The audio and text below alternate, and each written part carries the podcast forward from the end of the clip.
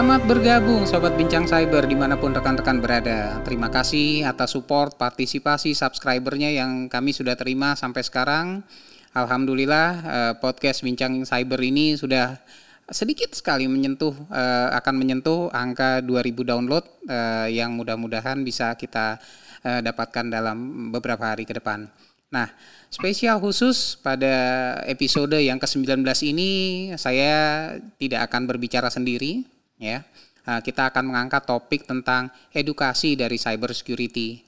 Ada uh, sebuah artikel yang mengangkat bahwa menyebutkan bahwa cyber security itu merupakan sebuah domain besar yang di dalamnya terdapat banyak sekali rumpun cabang keilmuan.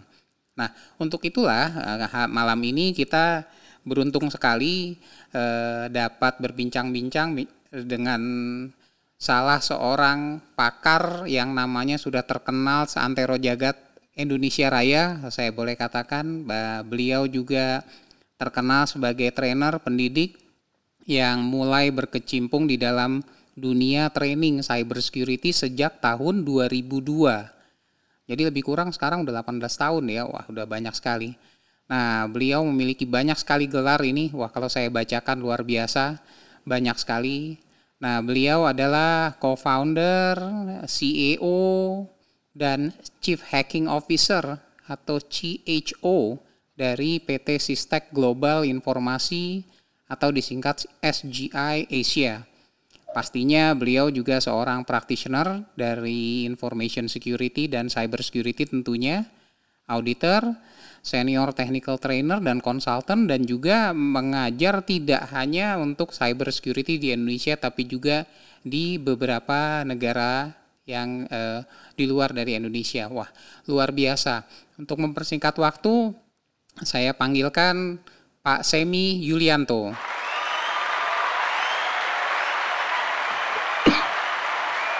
Halo Pak Semi, apa kabar?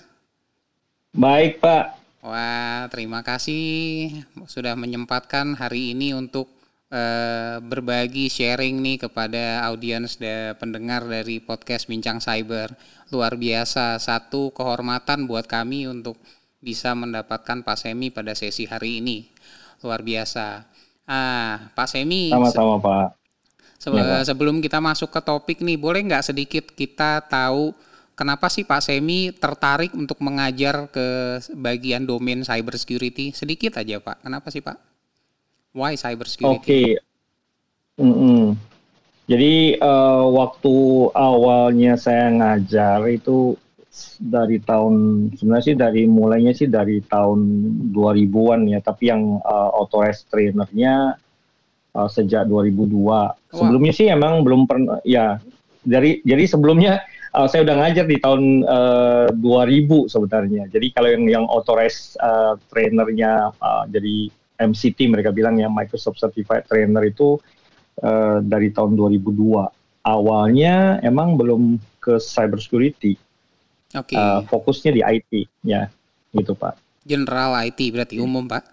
Ya, ya general IT. Jadi waktu itu saya fokus di uh, apa materi-materi IT yang uh, sifatnya masih uh, general sekali seperti contohnya dari uh, vendor Microsoft saya kebetulan uh, Microsoft Certified Trainer uh, terus ada Novel Certified Instructor juga dan beberapa yang lain. Jadi emang bertahap ya mulai dari uh, apa saya kan kebetulan uh, backgroundnya memang programming ya. Jadi programmer dulu kemudian ikut training masuk ke network, masuk ke infrastruktur, kemudian uh, baru merambah ke dunia information security atau cyber security. Jadi emang perjalanannya tidak tidak apa tidak, tidak direct, pendek, ya? cukup panjang. Oke. Okay. Tidak direct. Tapi why why cyber security Pak Semi? Why nah, waktu awal, ya, jadi saya ceritanya tuh awalnya saya kenal dengan cyber security atau dulu lebih dikenal dengan infosec ya sebelum cyber security lebih apa uh, apa trennya berkembang atau mungkin uh, orang lebih banyak nyebutnya cyber security ketimbang information security. Nah itu awalnya waktu saya ikut kelas uh, Easy Council punya artikel hacking. Nah dari situ tuh mulai ada minat ke kayaknya seru juga nih kalau di oh, apa kalau okay. ditekunin. Nah, okay. tapi sebelumnya uh, ya sebelumnya uh, sebelum saya kenal si apa ethical hacking as EH ya versi waktu itu versi ter, uh, awal saya ikut tuh versi 4 seingat saya 2000 tahun 2006 ya. Eh sorry, saya ikut itu tahun 2004. Oke. Okay. Ya, 2004 ya. Nah, tapi sebelum di uh, ethical hacking saya juga udah pernah karena kan saya di Microsoft juga ada pegang di materi uh, apa security juga. Jadi uh, udah cukup kenal dasarnya udah bagus gitu Oke, Gimana, jadi Pak? tertariknya pada saat pertama kalinya tadi ketemu ethical hacking courses ya Pak dari Easy Council ya Pak. Kemudian Betul. mulai masuk ke Oke. Okay. Menarik. Berarti, nah, di situ mulai. Hmm. Ya. Terus kan di situ kenapa Pak? Silakan Pak. Nah, jadi waktu di situ kayaknya seru juga nih dan uh, waktu itu di tahun 2004 2000 antara 2004 2006 ya. Saya tuh kayak punya prediksi gitu loh, Pak. Ini cybersecurity bakalan uh, booming nih di beberapa tahun minimal lima tahun ke depan. Oke. Okay. Ya. Dan dan pada kenyataannya emang prediksi saya yang saya udah punya feeling gitu, yeah. itu uh, untuk dia berkembang uh, itu benar sesuai dengan uh, harapan saya juga. Nah kalau ditanya kenapa cyber security karena emang dunia cyber security ini sangat apa ya kita bilang uh, interesting lah ya sangat menarik karena areanya ya challenging interesting jadi banyak banyak yang yang yang bisa ditekunin ada sisi ofensifnya ada sisi defensifnya jadi luas sekali gitu. Ah oke. Okay. Dan Ini... spesialisasi sebenarnya. Mm -hmm. Jadi sebenarnya cyber security itu bukan spesialisasi pak ya, karena sebenarnya luas juga tadi kalau Pak Semi sebut ya. Betul, betul. Oke. Okay. Nah tinggal dari security kan tinggal kita atur kita maunya ke mana nih, kayak kedokteran lah kan. Dari kita belajar dari uh, dokter umum dulu, baru bisa ke dokter spesialis ya. Mm. Kalau ingin fokus begitu. Oke. Okay.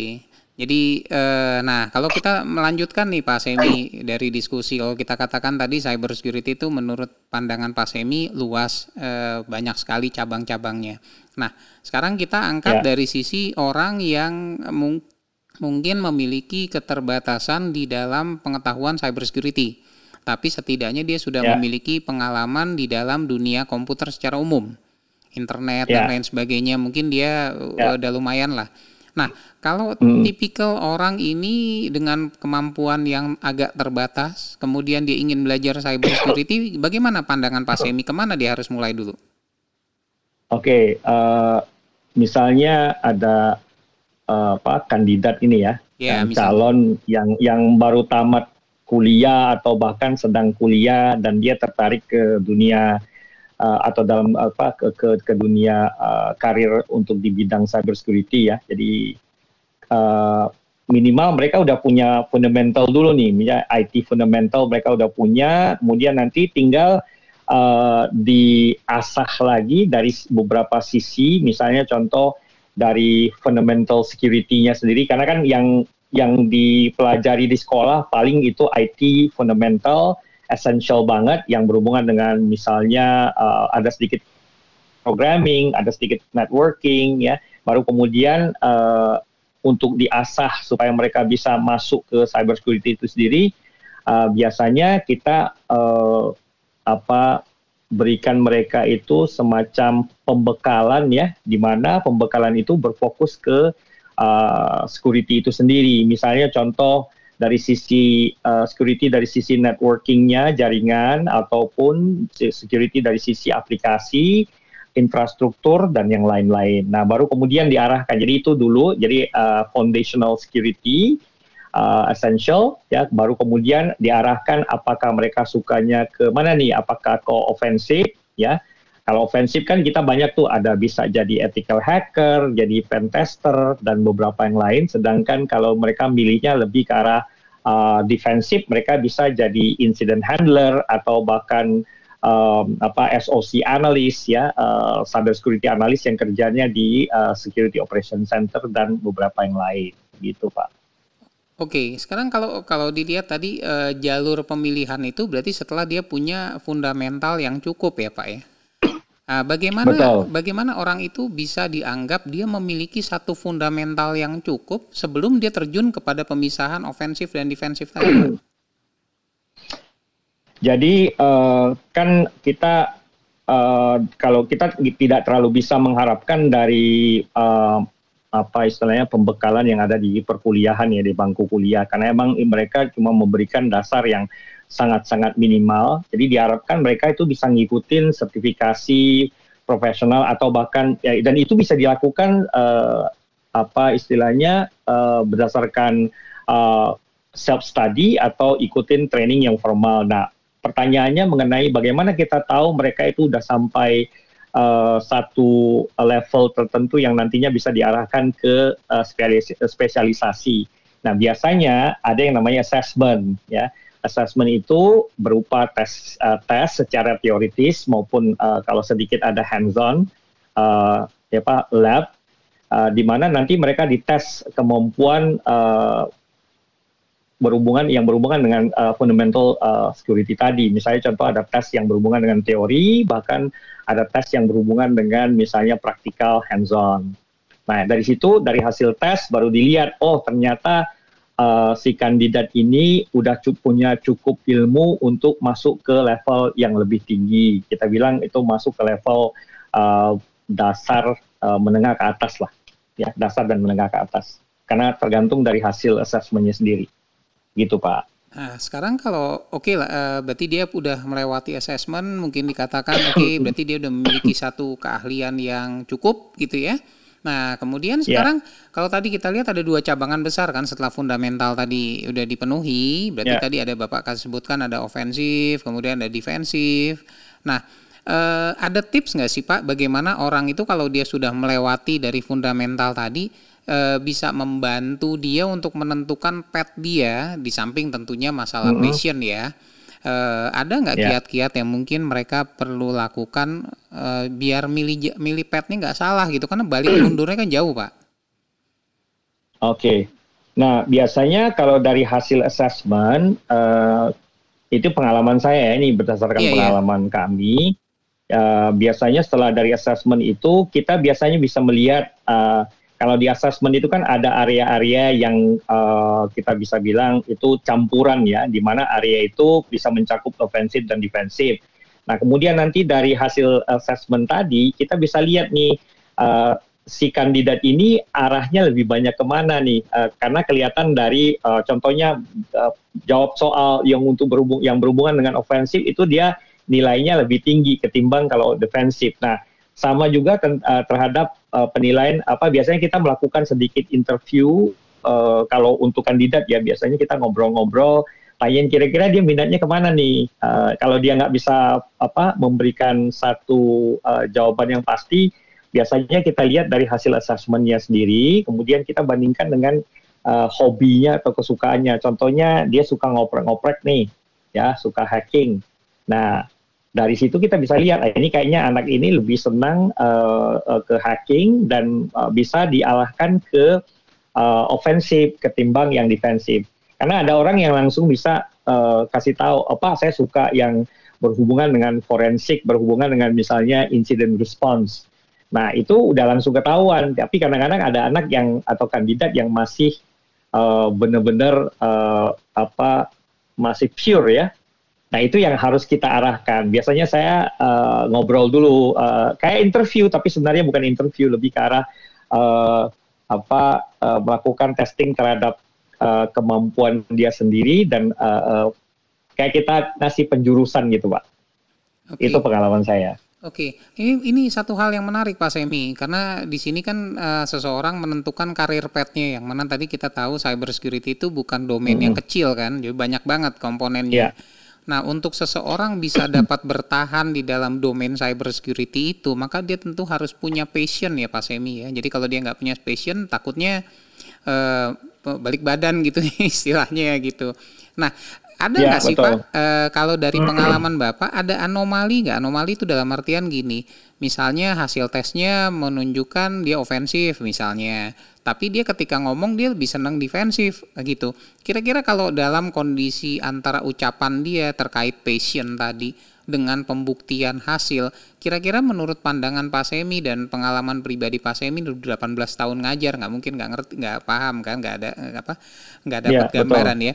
Nah ini kira-kira kalau ada terjadi anomali ini gimana tuh Pak? E, mana yang kira-kira sebaiknya diambil? Ya kalau berdasarkan pengalaman, ini biasanya uh, kandidat yang seperti itu biasanya mereka masih sedikit kita bilang apa ya labil ya pak ya, jadi belum bisa menentukan. Nah, yang paling uh, enak sebenarnya ngeliatin dari uh, kita bisa uh, apa istilahnya menggali uh, dengan melakukan semacam interview atau ngobrol, kita menggali ini potensi dia. Sebenarnya dia sebenarnya punya apa sih?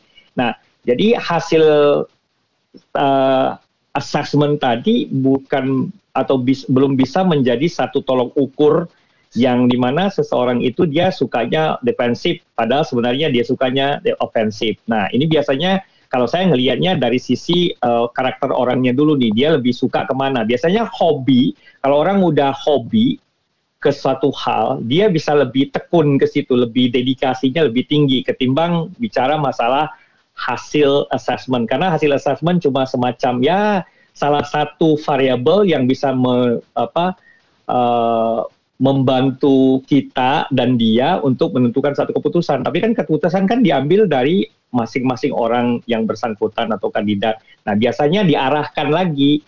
Nah jadi kita gabung nih uh, hasil uh, tes atau hasil assessment plus uh, apa kemampuan dan uh, karakter dia sendiri untuk meng, apa memfokuskan diri ke satu hal. Nah itu jadi kita timbangnya tuh di dua area ini pak, di area dari sisi kemampuannya plus uh, hobinya atau um, apa fokus yang dia pingin uh, jalankan gitu pak. Jadi nggak bisa nggak bisa, bisa langsung ya. Belum ada yang ya nggak bisa langsung nggak ada perumusan. Oh orang ini bagus di testingnya di defensif harus masuk defensif belum tentu juga. Mungkin dia dari sisi ilmu mungkin dapat defensifnya, tapi ofensifnya dari sisi eh, apa kemampuan di, karena dia udah hobi duluan, Pak. Dia biasanya kalau orang yang hobi itu eh, dikasih ke satu kegiatan tertentu akan lebih eh, tinggi gitu. Jadi tinggal kita improve skillnya aja kan. Ya challenging banget, Pak.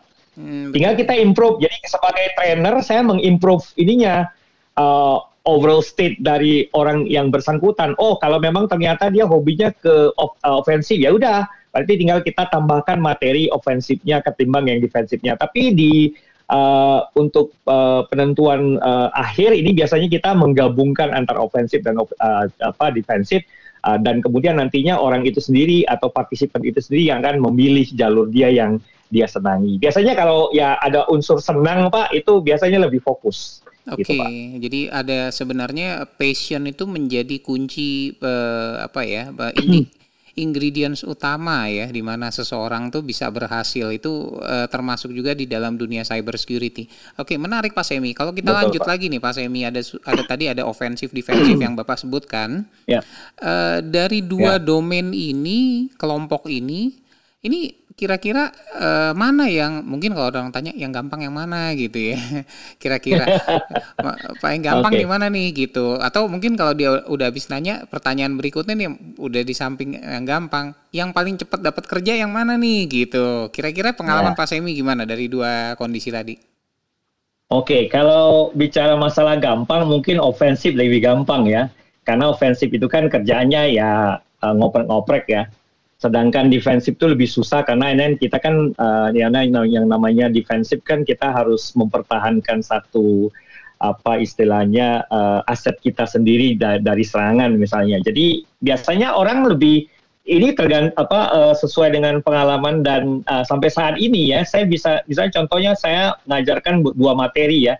Yang paling banyak justru yang sekarang dipilih itu lebih ke arah ofensif ketimbang defensif nyari orang untuk defensif itu lebih susah ketimbang nyari yang untuk ofensif. Contohnya kalau nyari uh, artikel hacker maupun pentester itu lebih gampang ketimbang nyari orang yang main di uh, atau ahli di bidang incident response, uh, disaster recovery maupun misalnya forensik.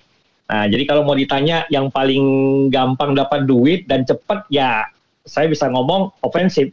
Contoh orang dengan pengat, apa kemampuan hacking uh, dasar uh, antara dasar sampai uh, level jet uh, sedang hmm. itu bisa cari duit ya, uh, dengan mengikuti bounty hunting misalnya. Okay. Jadi bounty hunter aja mereka udah bisa dapat ya mau dapat 100-200 dolar sebulan itu nggak susah ketimbang okay. yang defensif defensif defensif kita biasa harus uh, tahu CM itu seperti apa uh, monitoring itu seperti apa dan yang cari duitnya lebih susah pak. Oke, okay. berarti sebenarnya uh, kembali tadi uh, dari sisi ofensif uh, menurut pandangan Pak Semi jauh lebih mudah untuk untuk uh, dipelajari gitu ya dibandingkan defensif karena mungkin defensif uh, topik pendalamannya itu banyak hal-hal yang mesti di menjadi bahan pertimbangan gitu tadi ada CM segala macam itu ya Pak yang tadi disebutkan. Yes. Dan dan kebanyakan uh, CM dan beberapa tool yang ada itu sifatnya tidak open source. Jadi agak susah oh, untuk budget uh, constraint orang kan tidak betul budget constraint juga untuk dia men-set up lab sendiri di rumah itu butuh yang ya investasi yang cukup mahal. Ketimbang kalau belajar ofensif dia cuma butuh misalnya satu laptop yang dengan memori uh, 4 giga ada kali Linux sama target-target yang bisa dia download atau bahkan pakai uh, VPN aja mereka bisa uh, praktik apa uh, melakukan praktikum. Okay. Ya, jadi budget nggak pengaruh budget nggak terlalu pengaruh ya dari dua sisi. Yeah. Nah, uh, yeah. lanjut lagi Pak Semi kalau dari tadi ofensif, defensif ya. Biasanya kalau dari setelah seseorang memilih track yang tadi either way dia pilih ofensif atau dia pilih defensif, uh, berapa lama sih uh, dia perlu mempelajari itu kira-kira ya Pak sampai dia uh -huh. bisa dianggap atau bisa diperkirakan uh, memiliki spesifik skill untuk area itu?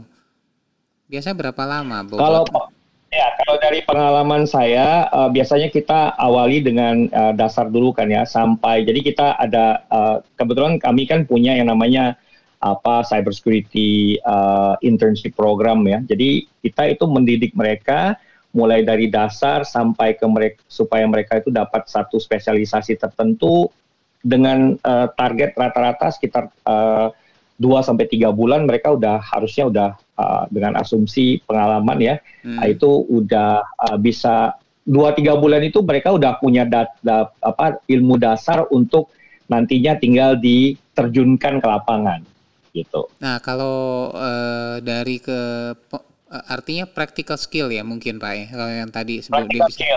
Okay. Nah sekarang. uh, mungkin uh, saya potong sebentar pak. Boleh, Jadi saya uh, dasar dasarnya itu minimal nggak perlu harus lama-lama dia ikut uh, training, uh, ikut kelas dan uh, apa uh, on the job training mungkin sekitar dua uh, tiga bulan termasuk pendidikannya. Jadi dua tiga bulan itu anggap aja tiga bulan deh ya. Uh, satu bu apa dua bulan pendidikan uh, full uh, plus uh, pener, uh, menerjunkan mereka ke lapangan itu uh, satu bulan ya total tiga bulanan, mbak. Oke, jadi itu lebih, mereka ya itu mereka bisa bisa dapat uh, ini deh ya lebih kurang. Ya. Itu itu sama tuh pak, uh, either ofensif atau either defensif. Uh, karena kebetulan kalau di program kita uh, yang saya handle ya sekarang hmm. itu uh, dua-duanya mereka pelajari, jadi mereka nggak bisa pilih dulu nanti setelah uh, pada cap, apa setelah mereka pelajari dua-duanya. Jadi mereka belajar uh, apa foundational security, kemudian uh, offensive dan defensive, baru mereka tinggal pilih setelah mereka uh, ikutin uh, dua materi ini. Jadi supaya mereka dapat pengalaman juga di dua area. Jadi saya nggak langsung bilang, oh kamu harus ke offensive, kamu harus ke defensive. Nanti pilihan uh, setelah dua-duanya selesai. Gitu. Okay. Mereka dapat uh, pembekalan di dua area itu, Pak uh, setelah tadi dia sudah dapat uh, dapat semuanya, either dia ofensif atau dia defensif, menentukan pet itu dia lakukan berdasarkan hasil atau berdas kembali lagi berdasarkan passion dia. Ya, jadi uh, hasil uh, result dari assessment dia, hasil dari assessment tes hmm. yang nantinya sebenarnya tes itu ada unsur ofensif dan uh, defensif dari kemudian kita bisa tentukan dari hasil tes hmm. ya dan passionnya dia. Kita gabung dua variabel itu, Pak. Oke, wah ini menarik nih Pak Semi. Nah, ini kan hmm. kalau kita bicara dari students nih Pak ya, Pak Semi kan nggak cuma hmm. ngajar di Indonesia, tapi kan juga ada di beberapa yeah. negara. Boleh nggak sharing ya. sedikit yeah. nih kira-kira kalau datang dari students dari berbagai negara dibandingkan dengan student kita di Indonesia, ya, di luar hmm. Indonesia dengan di Indonesia. Kira-kira kualitas dari studentsnya itu eh, bagaimana posisi di Indonesia? Masih masih butuh per, banyak perbaikan atau bagaimana menurut pandangan Pak Semi? Oke, okay, ini uh, dari pengalaman ngajar dan yeah. pengalaman di industri. Kalau dilihat uh, kandidat atau student dari Indonesia maupun uh, luar negeri, kalau di luar saya ngelihatnya udah arahnya udah intermediate ke atas Pak. Artinya mereka udah punya fundamental, security fundamental, cyber security fundamental yang udah mereka pelajari di uh, kuliahan maupun di bangku kuliah maupun di uh, pendidikan uh, apa uh, lanjutan. Nah, sedangkan kalau di Indonesia itu kebanyakan uh, self study ataupun student-studentnya itu udah uh, apa istilahnya mereka udah jumping atau loncat ke satu uh, spesialisasi tertentu, misalnya pentest, ethical hacking maupun misalnya incident response, tanpa dibaringi dengan yang namanya uh, uh, security essential. Nah, kurangnya mereka kalau di Indonesia kurangnya tuh uh, essential dari security sendiri itu sendiri mereka tuh kurang masih. Tiba, tapi tiba-tiba mereka udah masuk ke satu spesialisasi tertentu.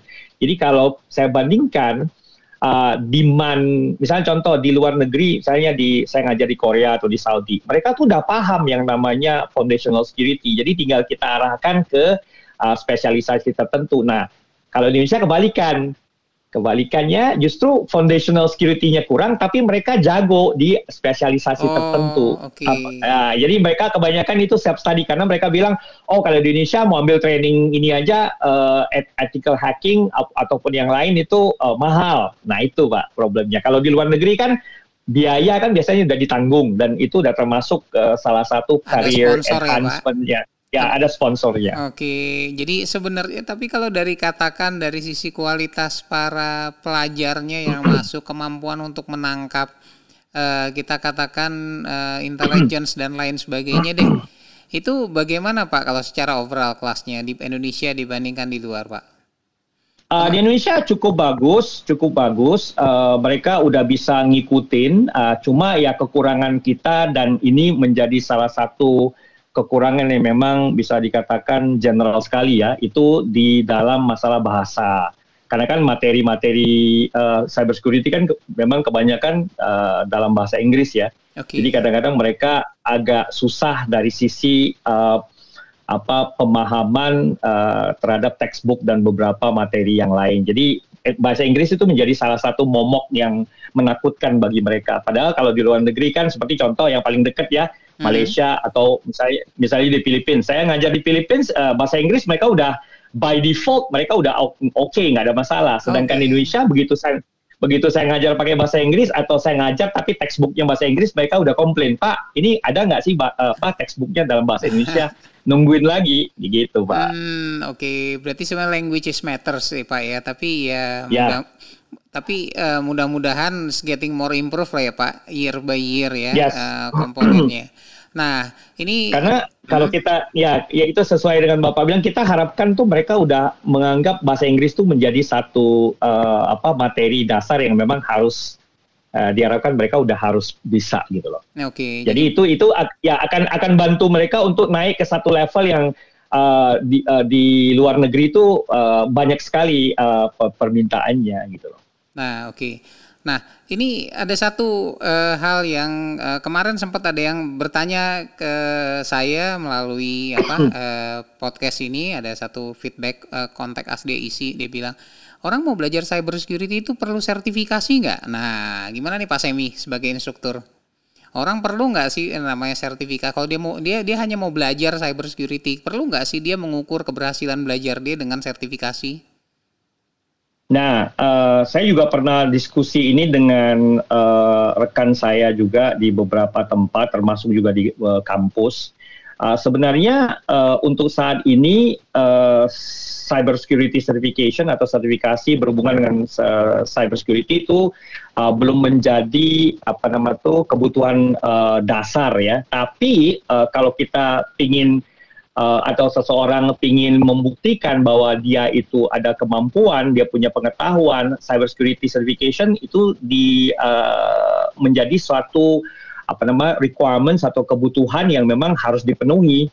Uh, supaya kita bisa punya dedikasi yang lebih tinggi uh, untuk belajar. Karena kalau kita nggak punya semacam objektif atau goal, uh, kita jago nih hacking, tapi kita nggak punya goal tertentu, ya ilmunya ya sampai segitu-segitu pak.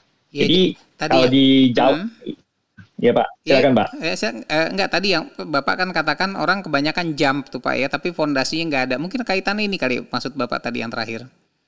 Iya, itu salah satunya dan ke, ke, dia dia nggak bisa membuktikan. Jadi misalnya contoh ada satu organisasi atau misalnya startup nih, uh, misalnya bisa Traveloka, Blibli, uh, Tokopedia dan seterusnya. Mereka butuh orang-orang yang memang uh, skillnya tinggi di bidang ofensif. Tapi sertifikasi menjadi satu uh, apa nama tuh uh, menjadi satu kebutuhan yang dianggap opsional. Itu nggak masalah jadi tergantung yang minta. Tapi bagi diri kita sendiri kalau nggak punya sertifikasi kayaknya gimana ya? Kayak kita hidup tanpa ada goal atau objektif tertentu. Mm, okay. gimana kita bisa membuktikan uh, kepada orang lain atau yang orang yang nggak tahu sama sekali tentang uh, cyber security bahwa kita uh, kompeten. Itu. Itu problemnya di situ tuh Okay. Jadi kalau ada salah satu dosen ya yang yang uh, apa ngobrol dengan saya, ya itu tadi problemnya adalah kita nggak bisa menunjukkan bahwa kita punya dedikasi uh, uh, yang tinggi untuk mencapai satu tujuan tertentu. Nah itu hubungannya sama pencapaian sertifikasi. Okay. Jadi kalau ditanya butuh atau tidak, kalau jawabannya butuh atau tidak, uh, butuh-butuh tidak gitu antara butuh dengan enggak tergantung dengan uh, apa perusahaan juga. Kalau perusahaannya uh, apa saklek uh, harus punya misalnya uh, OSCP harus punya CEH ya kita harus ikut. Okay. Ya kalau nggak nggak di hire kan gitu. Nah yeah. itu juga bisa memberikan uh, semacam apa uh, satu apa namanya itu uh, credit point yang hmm. ya ya credit point dan memacu juga buat kita untuk mencapai satu uh, objektif tertentu. Kan kalau kita ngelamar nggak punya apa-apa ya pasti asumsinya bisa di ya filteringnya orang HR akan ngelihat ah ini nggak punya sertifikasi nggak punya apa ini disisikan bisa masuk ke opsi kedua atau ketiga pak. Oke, jadi gitu. lebih kepada pembuktian antara skill yang Betul. dimiliki dibuktikan dengan sertifikasi. Uh, ya Betul di, sekali pak. Ya buat company juga melakukan assessment. Menarik sekali Pak Semi uh, apa ya. uh, diskusinya. Nah ini terakhir Pak Semi. Uh, Eh, Pak Semi ada nggak uh, hal yang mungkin mau disampaikan kepada orang yang ingin masuk terjun ke dalam dunia cyber security yang seperti kita tahu sekarang gapnya kalau dibaca nih di media-media katanya gap skillnya tuh masih hmm. banyak sekali dibutuhkan. Artinya uh, slot-slot untuk pekerja-pekerja yang memiliki skill khusus untuk cyber security itu masih uh, banyak terbuka celahnya gitu. Apalagi nih berkembang ke depan uh, katanya juga sih bakalan semakin besar gapnya. Nah, Pak Semi ada ya. uh, saran atau mungkin arahan kepada teman-teman nih uh, pemirsa uh, bincang cyber yang uh, mau hmm. belajar cyber security, kira-kira uh, bagaimana mereka uh, tadi Pak Semi sudah menyebutkan ada assessment. Nah, di luar itu semua uh, gimana kira-kira bisa membantu mereka untuk memulai langkah pertama? Uh, kalau kita lihat di uh, kebutuhan pasar saat ini yang paling banyak dicari, uh, udah sempat saya diskusikan juga di uh, beberapa forum, justru yang dicari di ting adalah di tingkat uh, intermediate atau level menengah. Nah, jangan lupa bahwa uh, level dasar atau beginners juga uh, permintaannya lumayan banyak. Jadi sebenarnya kita kalau kalau ditanya yang bagi yang baru-baru kepinginnya seperti apa, mending ngikutin uh, apa pathnya, pasnya atau uh, jalurnya yang benar. Jadi jangan tiba-tiba uh, apa uh, loncat ke uh, satu level tertentu tanpa dibarengin dengan dasar-dasar yang kuat. Ya samalah kalau kita seperti kita belajar uh, apa um, bela diri, misalnya silat, karate dan sebagainya. Kita pasti akan diajarkan fondasi dulu kan. Nah, sebelum bisa masuk ke level yang lebih tinggi, misalnya dari apa foundational level, uh, beginner ke intermediate, kemudian ke advanced dan expert. Jadi karena uh, pada akhirnya nanti anda akan ngerasa bahwa wah ternyata ilmu saya ini kurang karena emang uh, kebanyakan anak-anak uh, milenial sekarang maunya instan ya tiba-tiba jadi pentester, tiba-tiba jadi ethical hacker tanpa dibarengi dengan uh, ilmu dasar yang kuat gitu. Jadi saran saya mm-hmm. sebagai ya sebagai practitioner uh, adalah kita ikutin jalur yang benar nih. Jadi ambil dasar dulu, baru kemudian masuk ke uh, uh, apa uh, tingkat uh, sedang atau menengah ya. Jadi basic, intermediate sama advance. Nah itu tergantung nanti perkembangan advance kan tergantung kebutuhan juga gitu oh, pak. Jadi oh. tergantung terus pak. Ini pak Ya, jadi tadi uh, karena ini pengalaman saya banyak teman-teman di Facebook, di uh, LinkedIn dan sebagainya yang tiba-tiba jadi pentester padahal ilmu dasarnya uh, tidak bagus bahkan kalau ditanya hal-hal yang sangat uh, apa dasar seperti three way handshake misalnya hmm. mereka nggak bisa jawab. Oh, okay. jadi jadi kasihan nantinya kalau untuk di interview the job apa job interview mereka bakalan uh, gagal dengan mudahnya. Oke, wah menarik Pak Semi. Banyak sekali nih ilmu yang kita dapatkan malam ini nih. Uh, apa namanya? Ya sekali lagi saya ini uh, mengucapkan terima kasih Pak Semi uh, apa Sama-sama, namanya Pak. pada diskusi kita hari ini. Nah, sebelum kita tutup ya. mungkin saya summarize uh, beberapa hal uh, dulu ya. Mungkin bisa uh, pemirsa bincang cyber bisa uh, mengambil kesimpulan dari diskusi kita hari ini. Uh, Oke, okay. Sobat Bincang Cyber, menarik sekali diskusi kita malam ini dengan Pak Semi Yulianto, seorang infosec, cyber security, edukator, dan juga mentor yang sudah hidup di dalam dunia training, atau sudah hampir 20 tahun uh, lamanya. Beliau membagi uh, pengalaman beliau malam ini dengan uh, kita semua membahas tentang urutan bagaimana seseorang uh, sebaiknya atau idealnya masuk ke dalam dunia cyber security kondisi di awal di mana seseorang kebingungan untuk menentukan arahan. Feedback dari Pak Semi tadi di, ya, kita dengar bahwa alangkah baiknya ada assessment yang di mana dia belajar dulu foundationnya, kemudian dia dilakukan assessment untuk pemilihan antara ofensif dan defensif. Passion atau faktor passion dari sisi uh, pelajar itu ternyata sangat berpengaruh sekali terhadap keberhasilan dia mengikuti jejak Eh, ke, keilmuan tadi sehingga dia bisa sampai kepada satu titik.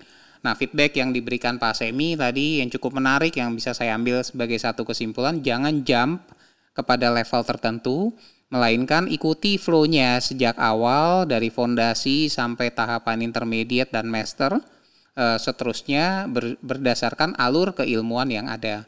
Nah, tentunya pada akhirnya kita punya keuletan dan uh, waktu proses belajar yang tidak bisa instan tentunya impossible kalau kita bisa uh, mencapai itu semua dalam waktu mungkin yang relatif sangat singkat.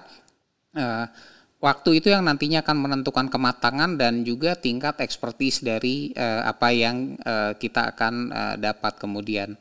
Demikian betul ya Pak Semi ya gambarannya ya Pak? Betul, setuju Oke, sekali Pak. Setuju sekali. Baik eh, Pak Semi, terima kasih waktunya. Sobat Bincang Cyber, tak terasa waktu sudah hampir 40 menit dalam diskusi kita dengan Pak Semi. Diskusi yang saya sangat eh, kagumi dari beliau adalah arahannya berdasarkan juga pengalaman beliau yang tidak sedikit di dalam dunia eh, education dari sisi eh, cyber security. Demikian, terima kasih atas perhatian eh, Sobat Bincang Cyber mengikuti episode-episode ya, sampai dengan episode ke-19 ini. Eh, kita bertemu lagi sampai bertemu di dalam eh, episode ke episode berikutnya. Saya host Faisal Yahya dan eh, guest malam ini Pak Semi Yulianto undur diri dan terima kasih eh, sudah mengikuti sampai dengan saat ini.